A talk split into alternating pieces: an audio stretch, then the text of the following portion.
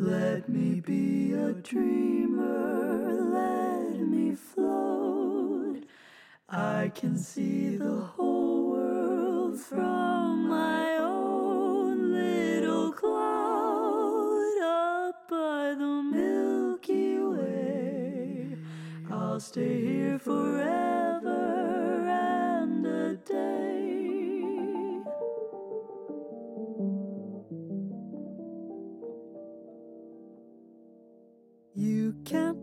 me down. I fear all solid ground.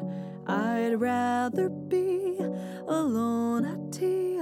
Love when nobody's making me. Oh, boys just make me cry.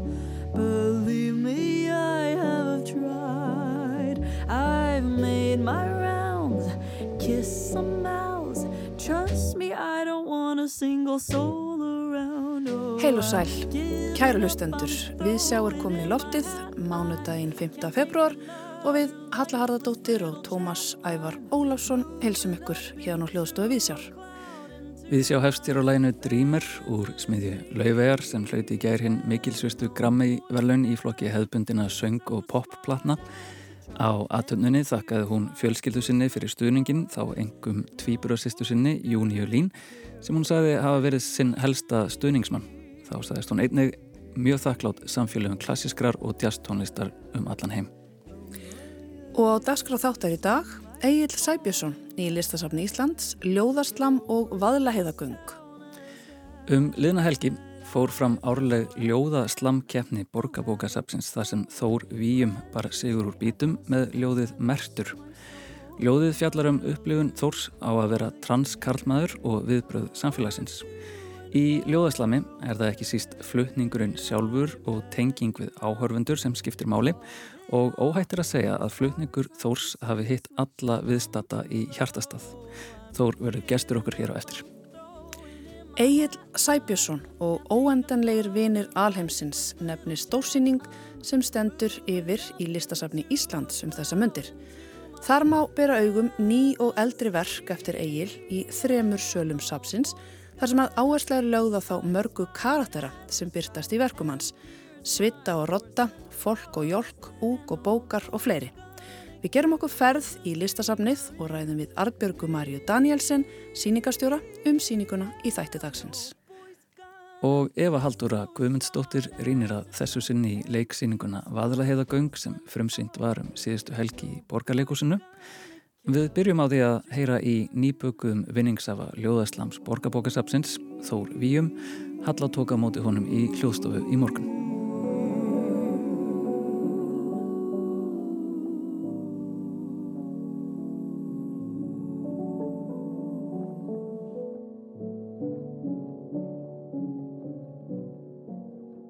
Vertu velkomin í Vísi og Þór Takk að kjalla fyrir. til hamingju með velunin um helgina. Takk fyrir, það var bara rosalega gaman að fá að taka þátt. Varstu búin að hugsa þetta lengi?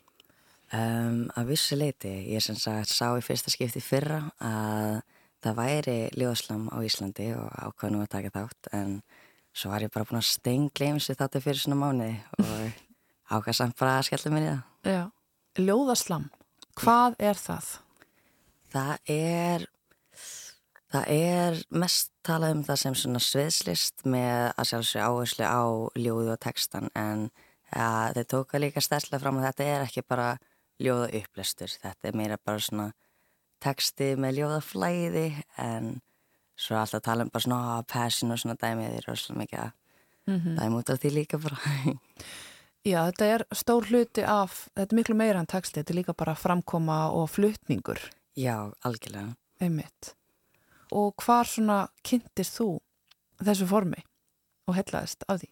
Ég var í líðháskóla í Danmörku um, það sensta haust og það kom þarna komin okkur einstaklingar og flytti ljóðaslam fyrir okkur og það var bara ótrúlega gaman. Ég skildi nú ekki allt þar sem það var á dansku og danska mín var svo til slepp en þetta heitlaði sann sem aður.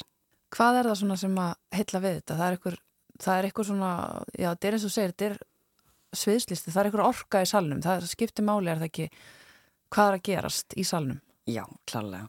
Það er eitthvað mikið dæmt út frá bara viðbröðum áhörndusundum. Ég finnst svo mikið samheld í þérinni hvernig þau svona dragaði með sér um, að því ekkert það er alltaf bara mest eða bara persnið og svona dæmi og alltaf verið að tala um eitthvað myndir svona performerin alltaf svolítið að reyna að tala um eitthvað svona sem að skipti máli fólk tengi við eða kannski Mm -hmm. eða bara eitthvað svona fræða.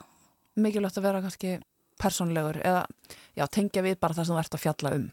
Já, Saman hvort það er persónlegt eða ykkur önnur ástríða eða... Já, það var náttúrulega rosalega gaman að sjá líka á keppnin hvað hinnir voru að tala um og rosalega skemmtileg hvað er svona mismöndi flýtningur eins og Ágúst sem að var með animestrákurinn um, það var bætt svo til söngi þetta sem var rosalega gaman að sjá Mm En er þetta í fyrsta sinn sem að þú kemur fram og, og ljóða slammar? Já, þetta var fyrsta skiptið en ábygglega ekki sinist það Er vettvangur fyrir ljóðaslam á Íslandi? Er, er eitthvað staðar það sem er hægt að koma fram og... Ég get nú ekki sagt að ég viti um annað en þetta eina Mhm. slam á við bókasafnsins Mm -hmm. veit ekki, maður það kannski bara að skoða þetta Einmitt. Koma því í gang kannski bara. Já, allt hægt En þú hefur nú örgulega verið eitthvað að skrifa og semja þó þú har ekki verið að slamma, eða hvað? Já, algjörlega ég hef verið mikið í ljóðum bara frá því ég var bara í grunnskóla í rauninni um, svo byrjaði svona þetta almennilega í ljóðin aftur fyrir svona ári cirka og bara svolítið búin að vinna með það en bara skrifa meira og meira Hvernig kynntistu ljóðlistinni uppalega? Eitthvað bara sem þú ert alin upp við eða? Nei, uh, ég hef alltaf mikið verið í því að lesa og skrifa en ég held ángins að það hafa bara verið í þriðja bekki í einhverjum íslensk áfanga sem bara núna ætlum við að skrifa ljóð og ég bara, ó þetta er geggjað og já, svolítið svolítið bara. Þú ert að læra íslensku í háskólanum, eða ekki? Jú, ég er á reynda bara annari önninu minni núna en þetta er mjög skemmtilegt. Mm Hvað dróði íslensku nú? Um, Íslenskan hefur alltaf verið svona mitt sterkasta fag í skóla og það er líka svona út frá, út frá íslenskunni þá svona stefnum maður á ritlistuna þannig að gott að það svona tengist vel saman og bara ennska mín er svo ræðileg ég reyni gæti ekki verið í öðru námi bara út af námsbókunum sem er svona margar af ennsku Þegar þú semur þetta ljóð, mm -hmm. mertur, ertu þá með flutningin í huga? Þegar þú ert að skrifa það, hugsaður þetta alveg frá upphafi sem, sem hérna performance? Já, ég hafði reyni aldrei og hef ekki skrifað neitt svona áður um, að ekkert ég hef reynsluna að að skrifa ljóð og það er geggja en það er ekki alveg svona ekki svona texti þannig að ég ekkurat uh, skrifa svolítið með svona reynda að finna flæði og rými svona á þess að hafa þau hverju setningu og akkurat ég leiði vinkunum minna að lesa þetta og hún sagði að þetta væri svolítið skrítið að lesa yfir svona því að þetta er svo mikil texti til að flytja bara, Mm. þetta hljómar fáránlega eða lesti til hljóði en já, Einmitt, þannig að þú setur alveg í stellingar. já, já Mhm. fyrstu svolítið að gera það En fram að þessu ljóði, hvað hérna, hvað hefur verið að skrifum? Er eitthvað sérstætt svona, sérstök huðarefni? mm, svolítið bara hingað þangað sko, rosalega rosalega mísjáft það oft líka byrjum maður bara að skrifa eitthvað og sé svo bara hvað kemur. Það er líka svo gaman að sjá akkurat uh, hvað aðrir sjá útrið maður hefur oft skrifað eitthvað og bara svona já þetta og svo lesið eitthvað og bara oh my god þetta er svo mikið svona og ég bara já, algjörlega góð punktir hvað afkvæma aðrir með betri þýðingu fyrir það sem að skrifa heldur um maður sjálfur og þá bara nota það.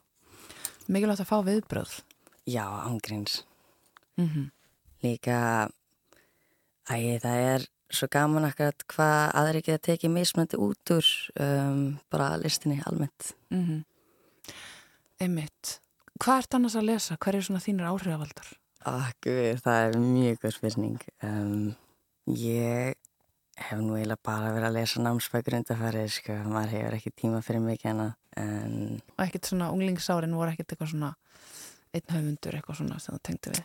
Nei, þú veist, ég er alltaf með um, mína svona tvær upp á spækur, þarna Ronny Ræningadóttir, mér fannst það rosalega, rosalega fallið bók bara akkurat. Um, Ronja ræðisleg.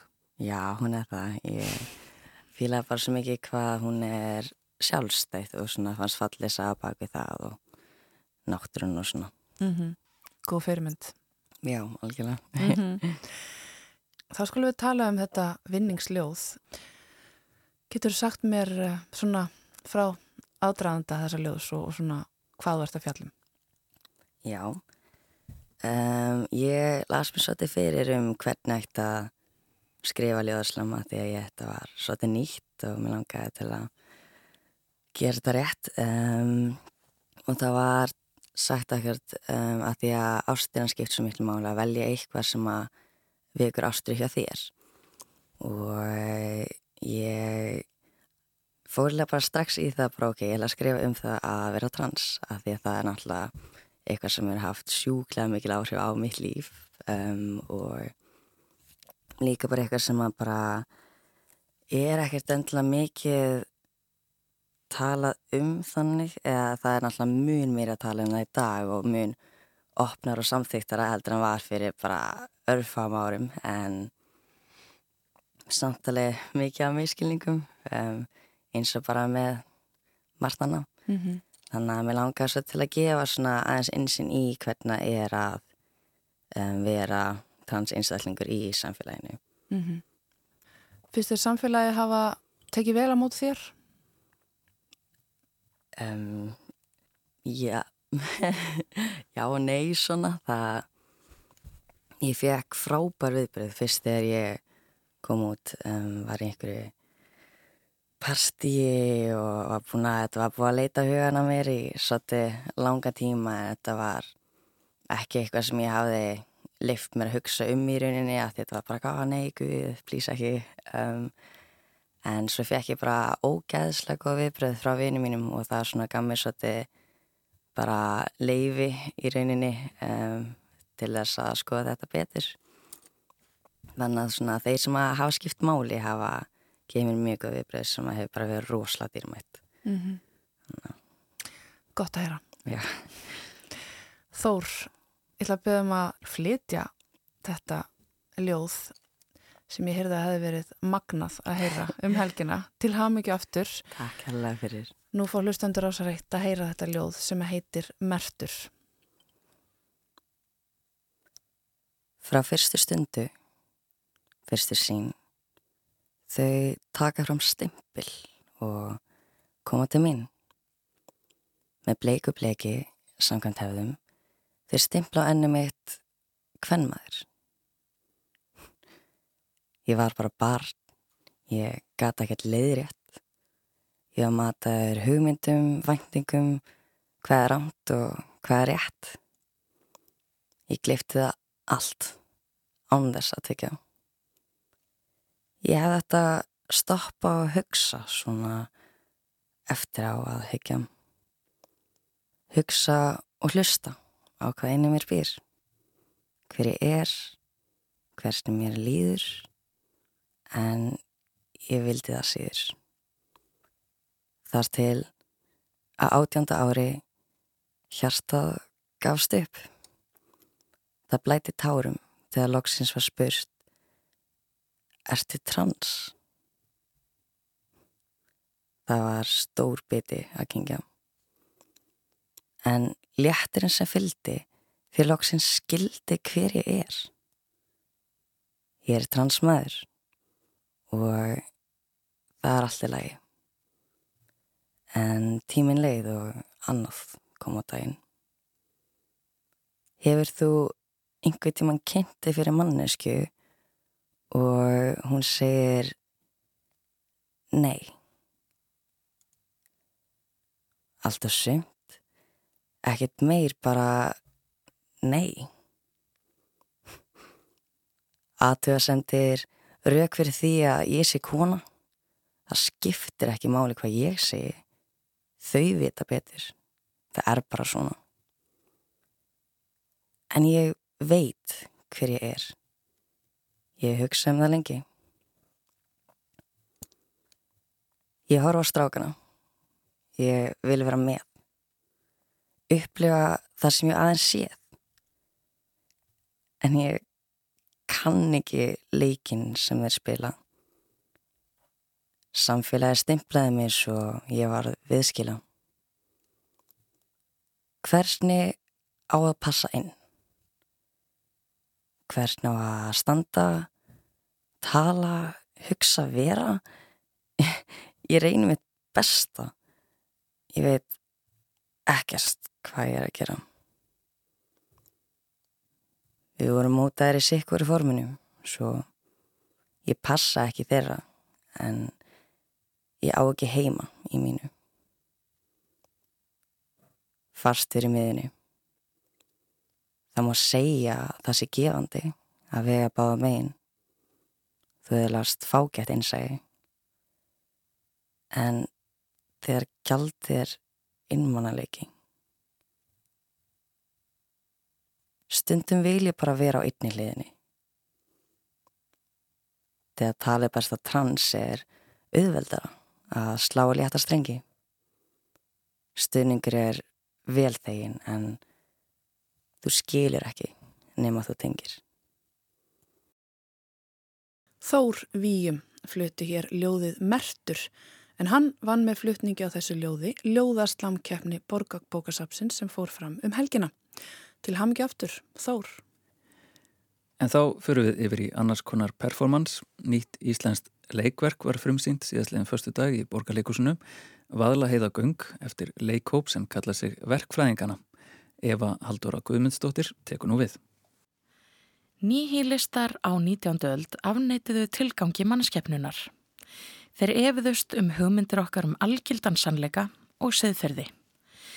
Þrátt fyrir að efast um og gaggrína pólitískar stopnanir mannlags samfélags þóttust þeir heldur ekki vera með svör um hvað kæmi í stað þeirra. Við í vestrænu samfélagi erum alin upp við tröllatrú á að réttarkerfi leiði til raunverulegs réttlætis. Ósýnileg hönd Adam Smiths leiði okkur inn í frelsið og hugmyndina um frambóð og eftirspurn drekkum við með móðurmjölkinni. Þessar hugmyndir eru rótgrónar og við hræðumst að gaggrína þær því við óttumst það sem kemur í staðinn. Vaðilaheiðargöng er nýstarulegt samsköpunarverk og samstarfsverkefni leikópsins verkfræðinga og borgarleikúsins. Verkið fjallar um gerð vaðilaheiðarganga en þau tengja Eyjafjörð og Fnjóskadal og stitta leiðina millir Akureyrar og Húsavíkur um 16 kílometra. Í upphafi verksins mæta þrýr verkfræðingar á sviðið og segja frá og ramma inn framvindu framkvæmdarinnar við gangagerðina. Þeir deila með áhörfundum ímsum staðrendum og sögum af vinnunni. Verkfræðingana leika þau Aðalbjörg Árnadóttir, Hilmir Jensson og Kolbeinn Artbjörnsson. Eftir útlistun verkfræðingana á vinnunni við göngin frá uppafi til opnunar tekur síðan við ljóðræn og húmorisk tólkun á atbyrðarásinni sem þau lístu í uppafi. Þau draga upp byggingarplastið, taka sér stöðu í vinnuskúrnum og hefja framkvöndina. Í fagurfræði er unni með kunnulega hluti á framandi máta. Þegar gengið er inn í salin má sjá appelsínugullar plastkeilur sem gefa til kynna að við áhörvendur erum að ganga inn á vinnusvæði. Inni í salinum tekur á mót okkur dundrandi djúb hústónlist þar sem Gunnar Karel Másson blandar hörðum hljóðum sem minna á byggingarsvæði en fléttar þeim saman við mjúkan sinnþa, þjættan bassa og klassískan hæjat sem gefur tónin fyrir absúrt leikstíl verksins. Júlíana Laura Stengrimsdóttir, leikmynda og búningahannur, klæðir sviðið með þunnu byggingarplasti og hýlur sviðið en svo er það dreyið upp og myndar ólögulegan helli eftir sprengingar í berginu. Á miðju sviðinu er svo glerkassi sem er vinnuskúr verkfræðingana og hann verður tákmynd fyrir kapiðurleist vinnu umhverfi. Júlíana vinnur með plastið á skemmtilegan hátt til að íta undir hughrif í framvindu verksins. Vindvél og reikvél blása undir plastið til þess að tákna flæðandi vatn úr þykku berginu og myndbandi er varpað framan á það sem skapar hugrenningatengsl við endurspeglun vats á hellisloftið. Júlíana vinnur virkilega vel og í takti við húmorverksins í búningum og leikmunum. Búningarnir eru í upphafi afskaplega vennjuleg fött í mjúgri litapalettu en þeirra líður á verða þeir meira og meira absúrt. Lítill árabátur, framlegging á höndum og búningur dýrlingsens heilarar barburu er meðal þess sem vekur afskaplega mikla kátínu hjá áhörfundum.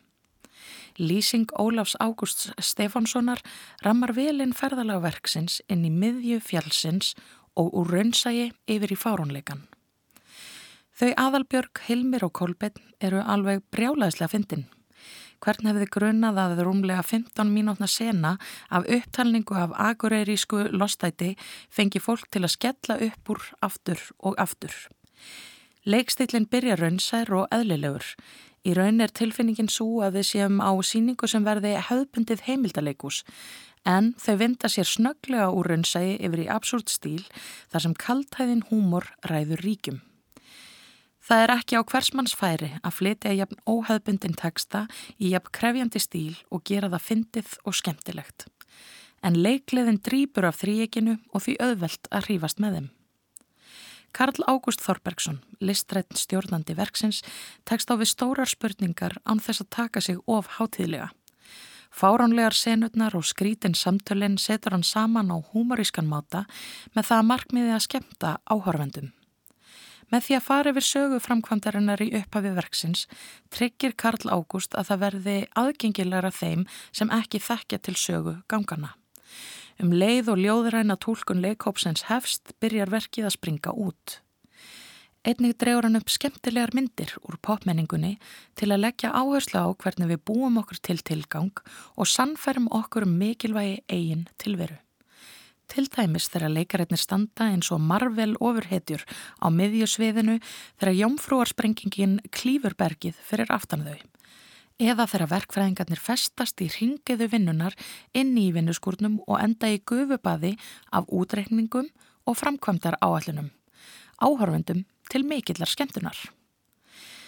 Þó svo að greinlegt sé að leikópurinn sé undir áhrifum sviðslistahópa eins og Forced Entertainment eða Gob Squad þá er hægt að segja að tilraunir þeirra á sviðinu megi flokka sem nýstarlega útgáfu af leikhúsi farónleikans.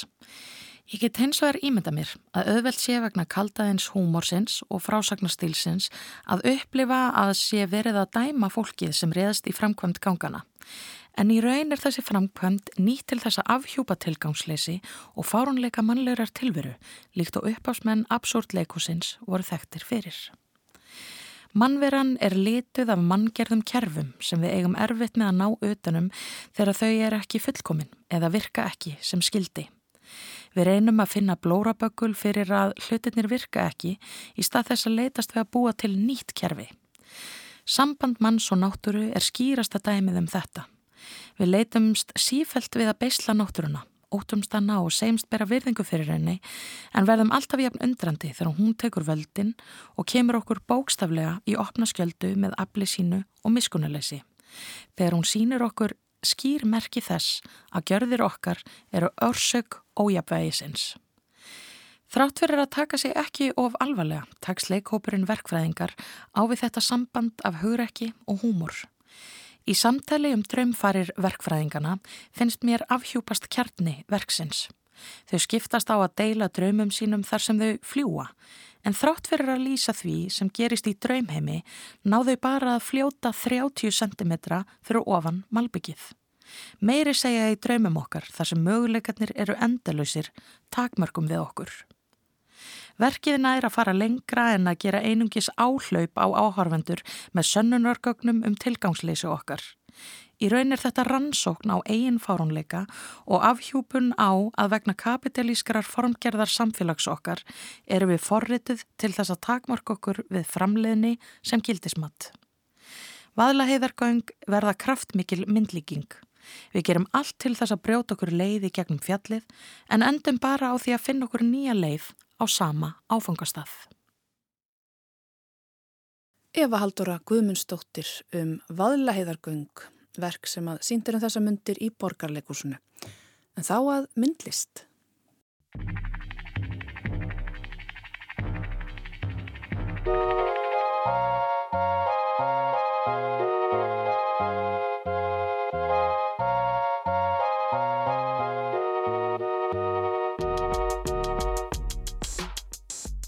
Sýningin Egil Sæbjörnsson og óendanleir vinir Alheimsins var opnið gestum og gangandi síðasta haust í listasafni Íslands. En á sýningunni taka einmitt all margar ef ekki ótæljandi personur sem Egil hefur miðlaði gegnum tíðina á móti gestum og bjóða þá velkomna í samverustund í leikherbergi listarinnar. Sýningin tekur hálfpartin yfir allt safnið, hún fer fram í þremur sölum þess. og í rímanum á myndli sala. Verkin eru einsetningar, lifandi skulptúrar, tónlist, vídeoverk, teikningar, málverk og ímislegt fleira. Gervegreindin er einni með í för sem og gagvirkverk sem bjóða gestum að vera memm.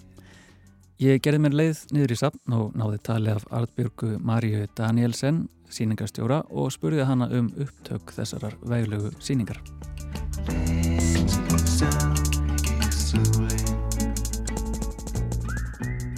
Þegar Egil baði mig um að síningarstjóra þessari síningu þá verði ég að vikina að ég var ekki alveg nátt með á hvað það var stórt verkefni. Vegna þess að hann er svo ótrúlega afkastamikill og við fórum í rauninu bara í svona ferðalag saman þar sem við varum að leita að svona hvað hvaða þættir í hans verkum eru svona í rauninni eitthvað sem er, hvað er einhver rauður þráður, hvað er einhver svona einhver gegnum gangandi thematík sem samt er uh, á reyfingu og uh, mér fannst mjög snemma það að vera bara virkilega þessir karakterar uh, og, og þessi, þessi persónusköpun, persónusköpun út í gegn í öllu sem maður gerir og, og leikur, bara hans persóna, hans leið í gegnum lífi Egil sem listamæður, hann er, hann er í stöðum leik í rauninni en heiðarlegum leik. Og það er svona, það er einhvað svona ótrúlega fallegt við það að við halda þessu, ég heimd segja bara inn á 60 aldurinn sko, nýjur en 50 og, og, og e, ná, að, ná einhvern veginn að halda þessari leikgleði í, í öllu sem maður gerir e, án þess að einhvern veginn að það sé, veist, að það sé einhvers konar stjórnleysi eða veist, það getur verið, það getur verið einfalt, það getur verið, veist, unni með ótrúlega flóknar hugmyndir inni í þessum leik og, og þessi síning hún nær kannski að hún nær að, já hún nær, hún er svona tilrönd allan til þess að, að ná að sína sko leikins í bæði þessu svona þessi svona ótrúlega uh, svona víbrant og, og lífsglaða uh, það má allt, það má alltaf leika sér en líka sem bara eitthvað mjög alvarlegt. Og leikur getur verið ótrúlega alvarlegur inn í sínum inn í, inn, í sínum engi í rauninni eins og er hjá börnum, þú veist leikurinn er bara fólast alvar og þessir frægu, þessir frægu tröllakarakterar og bókar þeir eru til síni sérna í fyrsta skiptu í Íslandi? Já, ég bara, þeir, nei, þeir hafa ekki, það hafi verið síndir einhverjur, að mununu þeirra hafi verið síndir hérna, en þeir hafa aldrei verið til síni sérna, nei, það er mitt alveg merkilegt að þeir, þeir sé að koma hérna í fyrst skipti og, og bara velkomnir. Akkurat, og það er nýr vinnur, það er ekki, um, gupp Sá, sá ég það rétt? Jú, Gupp, sko Gupp er sýstir tröllana, hún er, veist, hún er nú ekki bent ný, hún er bara að, svona, komið fram í sviðsljósi núna sko, að því að hérna, henni finnst náttúrulega eins og, eins og okkur bókar sér að stela sviðsljósinu og, og egna sér mjög mikið af því sem hún er raun að kenna þeim og hún er raun svona svo sem að, svona, veist, hún, henni finnst ekki, það ekki hafi verið bara eigil sem að kendi þeim allt um listeldur og hafi hún í raun og veri verið svo sem að, þú veist, held þessu að bræðurum sínum. Það er svona, kannski, dæmigert hlutskipti hvernig er listheiminum, alltaf að koma góður hugmyndir og íti undir eitthvað og svo bara, já, það kom gurnum. Gumlsá ný. Strax þarna í andirinu, þar sem við stóðum og spjöldluðum, hittum við fyrir fyrstu óendanlegu vinina úr smiðju Egil's Sæbjörnssonar. Þetta eru miklu dýrgripir. Eh, þetta eru senur úr tilveist Svitta og Rotta sem eru karakterar eða fígurur, personur sem að Egil er búin að lifa með uh, síðan bara var mjög ungur og, og þessir karakterar verða til í svona hugafylsni hans og bróður hans, Kristjáns Otts, í, í leik sem að eh, er ennþá í gangi í raun og veru. Og Svitt og Rotti eru sagt, já, svín og, og, og rotta í rauninni. Og þeir eru svona eins og hálfgerðu umbreytingar, þeir geta skipt um stærð og, og aðlaða sig að alls konar, uh, alls konar uh, aðtöfnum og sena sem við sáum hér þá er þetta bara mjög dæmiger morgun sena hjá Svitt og Rotta þar sem að Rotti er að bóna skallan á Svitta, svínskallan, hann er búin að raka, raka á honum uh, hárstuppana og er núna bónan með góðu bóni og er örmagna þarna að halla sér yfir skúringamoppuna og uh, þetta ger hann á hverju mótni það er líka til teikning hérna sem sýnir þess að senu í, í meiri nærmynd sem er hérna bakvið og uh, síðan nokkrum andartökum síðar þá sjáum við að þeir eru í sömu stærð þá er setti uh, orðin jafnstór rotta í rauninni og þá sita þær á kaffi og svo er að geða sér á fyrsta kaffibotla morgunsins. Þannig að þetta eru svona síendutekna senur og þessar senur eiga sér stað hver minnsta degi. Þetta er eiginlega hringrás af sögum sem að síðan fara já, fram og tilbaka og inn og út og, og Egil og, og bróður hans Kristjánundur þeir geta bara svona í rauninni bara tengt sig inn í atbyrðarásuna þegar þeim hendar en hún er bara í gangi líka óháð þeim út í kosmosinu. Og þú, þú segir að uh, samband þeirra haldi áfram út í kosmosinu. Eru, eru þetta hinnir óendalegu vinnir? Já, þetta, þetta eru svona, uh, þetta er, ég myndi að þetta er svona erketýpur í, í, í þessum heimi hans Egil's en þetta er svona bara, já, þetta er bara tveir af ó, mörgum, óendalum karakterum sem að spretta upp í, í hans hugarfylgsni og og öðlast síðan sjálfstætt líf. Bara eins og að hugmyndir gera í rauninni almennt nema hann tekur þetta alla leið og, og, og lifir með þessu alveg aktíft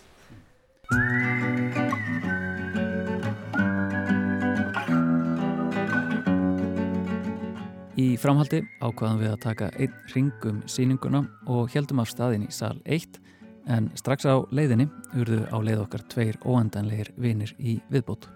Hér onni í hólu þá heyrum við, heyrum við íslenska þjóðsöngin sungin mjó, mjóróma. Þetta er Móri. Móri er sérstaklega vinur Eils ja. og hann hefur fyllt honum og verið meðal annars með honum á, á hérna, vinsalli plötu hérna í den sem margir íslenga kannast við og hér er hann að syngja þjóðsöngin. Hann er búin að koma sér fyrir hér í hól og hann, hann, se, hann er svona vinur sem að kannar jarðvegin og undirlög þeirra staða sem Egil ferðast á. Þannig að hann er búin að koma sér fyrir hérna. Þetta er svona 10-20 metrar nýri jörðinni hérna. Mm. Við heyrum bara í honum. Og, og hún finnst hann kynnast svona staðarháttum og, og, og svona undirlegi staða á dýbri hátt með því að fara svona nýri jarvegin búa í svona hólu nú er hann að syngja hérna hann er hérna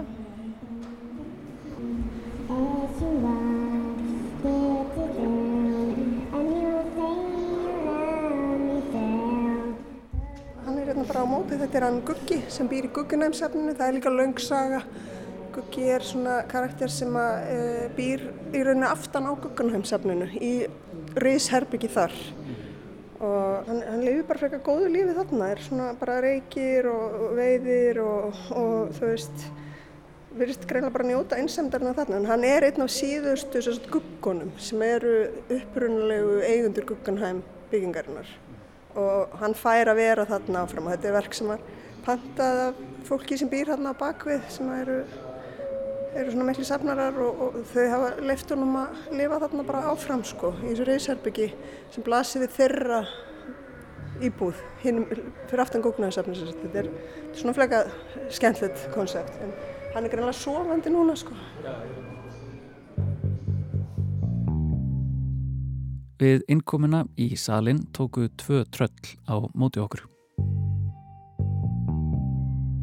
Hérna sjáum við senu sem er í rauninni svona, svona frum sena undanfari ögg og bókars í rauninni. Uh, þetta eru fólk og jólk og þetta eru tröll sem Egil og vinnur hans, hann eh, Diego Fernández, byggur til í svona, þeir áttu svona, svona ótrúlega merkilegan fasa saman þar sem að þessi, þessi tröll, þessi fólk og jólk verða í rauninni til og, og þeir eru svona undanfari öggubókar og þeir, þeir dúka upp í eins og verkum. Þeir eru hér, þeim er að gaman að vera að grilla svona sílt og pulsur og ímislegt, sveppir og svona og þeir, þeir dúkar síðan geta farið sko inn og út úr listaverkum. Þeir vilja koma fyrir í öðrum verkum hérna sem setja út á víðavangi og erum þetta að grilla og það búið, er þeir búin að koma að lappa inn í kannski gamalt verk, bara verk frá 17. aldrei ykkur tréristu. Þá eru þeir rauninni bara búin að koma sér fyrir þar inni, taka svona bólfest inn í verkum og þeir eru þannig, þeir eru svona algjör ferðalangar og smá sníkjudýr kannski líka en eru svona geta verið stórir og litlir og þeir sjást hér í mörgum mismunandi formutum bæði inn í öðrum verkum og síðan í e, sagt, sama mynd og sést inn í, í, í svona, svona örmynd inn í einu verki er sést síðan upplásin í stóru, stóri nærmynd þar sem hann, þeir eru blasa við svona í allri sinni dýr, við sjáum það hérna líka. Salur 1 í listasafni Íslands var undirlaður listaverkum Með fram veggjum hengu hinn ímsu verk sem fólk og jólk höfðu komið sér fyrir í sem og gagvirkir skjáir og litadeild fyrir gesti en á miðjugólunu voru til sínis skartgripir tröllana, stórir, gildir og glansandi gripir í grófum formum. En einni voru þar líka tveir stórir skjáir með tveimur frægum tröllum.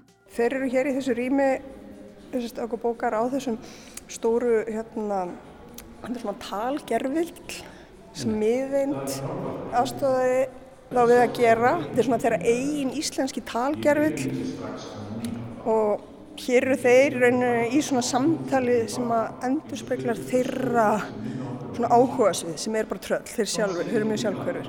Þannig að þeir eru að ræða tröll í verkum annara listaminna, hvernig tröll byrtast í verkum þekktra íslenskra og erlendra listamanna frá Tófi Jansson til Stengriðs Eifjörð til til hérna, áskrýms og, og, og þú veist þessa eh, hetju listamanna tröllamynda hér. Og Finnur Jónsson hérna já, er, veist, þeir eru búin að sanga að sér á frekar svona ókerfisbundin hátt verkum því þetta er það sem bara þeir eru hugfangnir af. Veist, þessi, þessi þessa byrtingamyndir í, í af hverju hafa manneskjur áhuga á þeim og hvernig. Mm -hmm. En, en þetta er, er gerfugreindin sem, sem knýr það áfram? Já, þetta er gerfugreindin. Þetta, þetta er þeirra eigin talgerfill sem sagt og hún bara mötuð þessi, þessi talgerfill er bara mataður af vissum upplýsingum úr þeirra svona samtölum og, og, og hugmyndum og svo eru þessi samtöl, þau eru síðan uh, í rauninu virkjuð út frá því. Lítum á þetta sem næsta verkefnið okkar. Já, höfum leitina strax. Ég hætti ekki fyrir en ég finn fullkomna kaffilskara mannesku til að glebja. Rétt, rétt, úg. Það er líka góð hugmynd að nota gerfigreindi til að skapa töfrandi drauma fyrir eigin. Með því að stjórna hugmyndum hans í svefni gætu við pottjett breytt honum í bandamann okkar. Í sal 2 á safninu er verkið ekkið og hænan við eða þau til sínis og eru það steinar eða í raun pappaskúltúrar sem er að þykjast vera steinar. Egil hefur mótað efnið og málað eins og steina á afar sannfænandi hátt svo sannfænandi hátt að gesti sapsist telja margir að þetta séu raunverulegir steinar en á steina eftir hermunar varpar Egil síðan myndefni sem gæðir skúltúrana lífi, allt frá abstrakt formum og áferðum yfir í eins konar andlit sem breyta stöðutum svip, andlit sem syngja, saman eins konar steina óperu. Vörpunin leikur sér þannig með tilneyingu okkar, manneskunar, að varpa okkar eiginmerkingu á hlutina sem byrja fyrir sjónir okkar. En síðan tekur hann allt í burtu með því að skilja okkur eftir með þess að bara steina sem er pappamassa steina að þykist vera steinar og þá, þá svona, það er eins og svona blekkingin sé marglaga. Og samt er þetta raunin ekki blekking, þetta er bara, þetta er bara það sem þetta er. En skilur okkur eftir með svona hvað þetta, hvernig veist, af hverju er hann að segja þetta er, er, er, er hann að meina þetta að, að þeir séu svona eða ekki þetta er svona, svona margla og mér finnst þetta svo skemmtilegt myndi við eiginlega, það er aldrei neitt sko, það er, hlutinni geta verið reynir og beinir en ótrúlega flóknir um leið Á leiðinni inn í sal 3 taka á móti manni teikningar eftir eigil, teikningar sem er í beinu og óbeinu sambandi við efni síningarinnar. Á þeim byrtast margar af þeim hugmyndum sem búið er að vinna lengra í verkum síningarinnar en á þeim má einni finna mikla tilfinningu fyrir held, þeim stíl sem verk eigils hafa og þeim heimi sem hann hefur skapað þeim.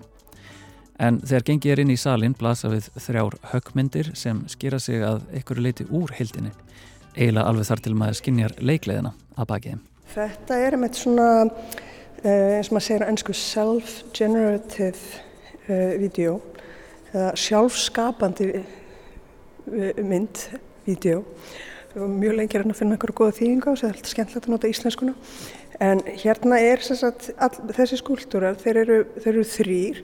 Eitt sem að heitir uh, Macho Sculpture from the 50's, þess að kallirimbu skulptúru frá sjötta áratögnum, macho sculpture from the 80's, það getur því það líka, og svo grátandi skulptúr, crying sculpture.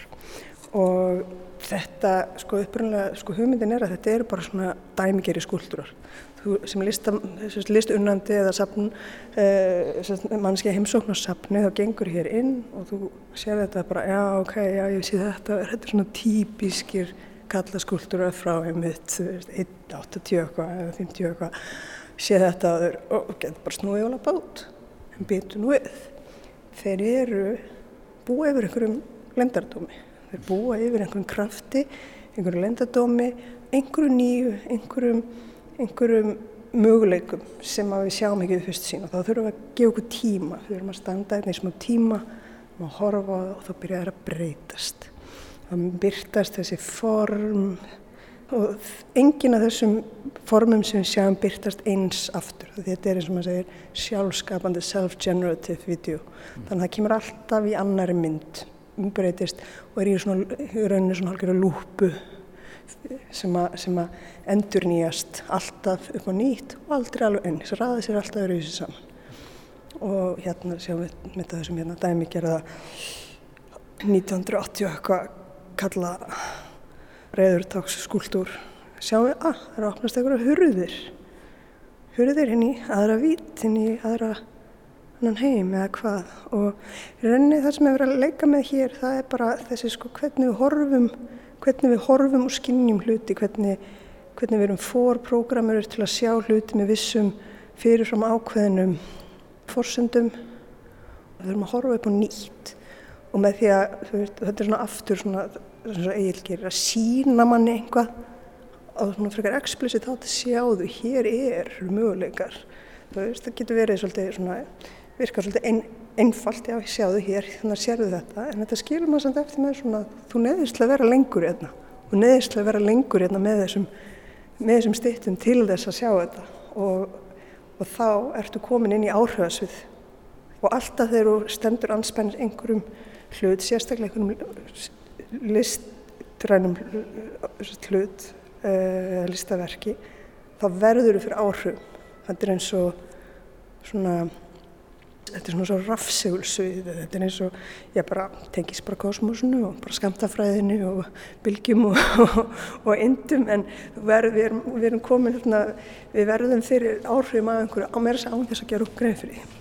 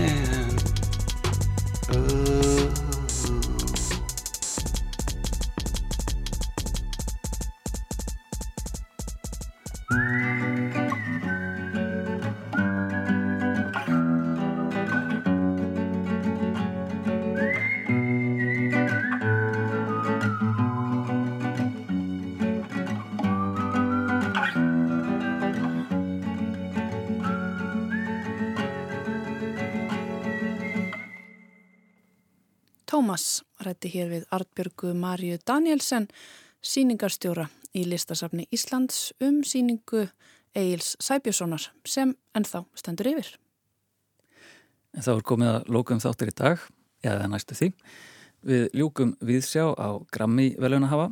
Tilkynnt varum heiðus velunahafa Grammi velunana í byrjun janúarmánaðar og var þar tilraunakonan Lori Andersson fremst á lista. Lori Andersson er tónskáld, leikstjóri, söngkona sem hefur gert gardinn frægan fyrir að vinna endurtekið og tilraunakent þvert á miðla í listsköpun sinni. En í mánuðinum vakti það einni aðtegli að aðeins örfám dögum áður en Lóri Andersson átti að taka við heiðusveljónunum á Grammy-háttiðinni sem veitt eru fyrir æfurstörf og framúrskarandi brautriðendastarfi tónlist, sagði hún upp stöðu sinni við Folkvang listaháskólan í Essen í Þískalandi. Uppsökt sem virðist hafa átt sér stað vegna pressu frá stjórn skólans. Já, aðeins örfár vikur eru liðnar frá því að tilkynnt var að Lóri Andersson ætti að gegna tímabundinni heiðus profesorstöðu við Folkvang háskólan og stóð háskólinn þá reikin að baki henni. En eftir að það kom í ljós að árið 2021 hafi Lóri Andersson skrifað undir opið bref palestinskra listamanna sem köllu eftir tafalausri og skiliðislausri stöðfun á ofbeldi Ísæla gegn palestinumönnum hóf háskólinn að funda með Andersson um stöðu hennar við skólan og virðist útkoma þessara funda vera sameili ákverðum skólans og hennar um afsögn.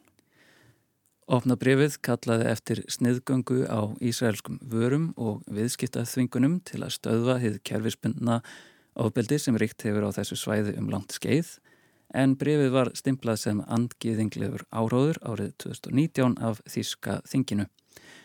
En við hvaðjum með heiðu skrammi velunaháðunum Lóri Andersson með lægi sem mætti jáfnvel flokka sem andofbeldislegan áróður, lægi sem við erum flest kunn og Superman, endilega takið undir hvar sem það eruð, heima í stofu, út í bíl eða ágangu í veðrinu.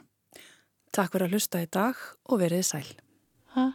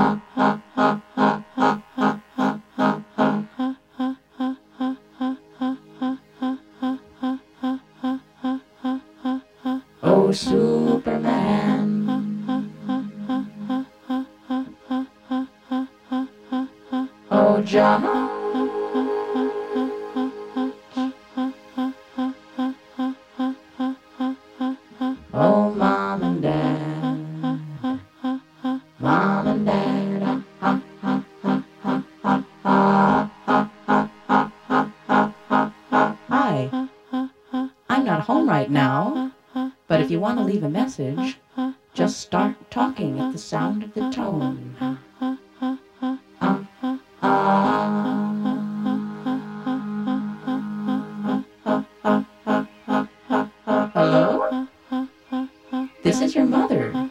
Are you there? Are you coming home?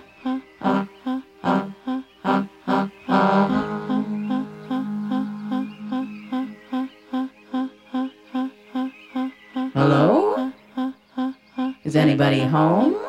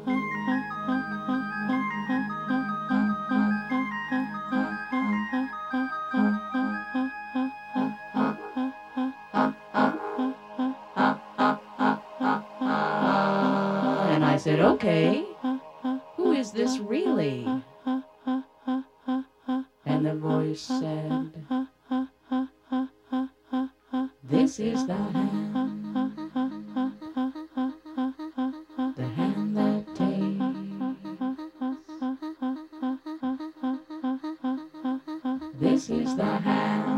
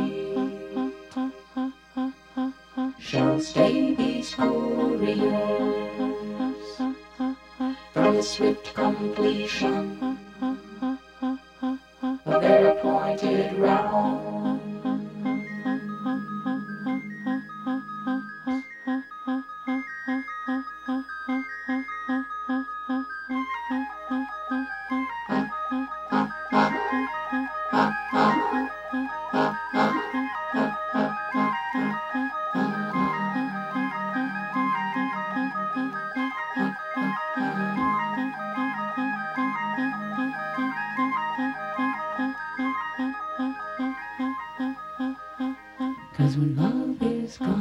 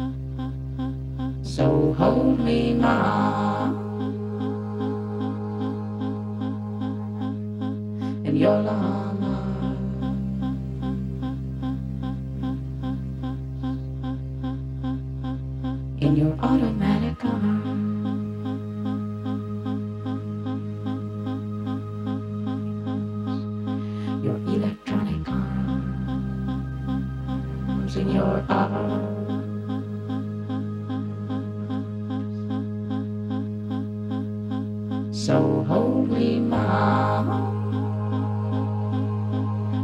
in your long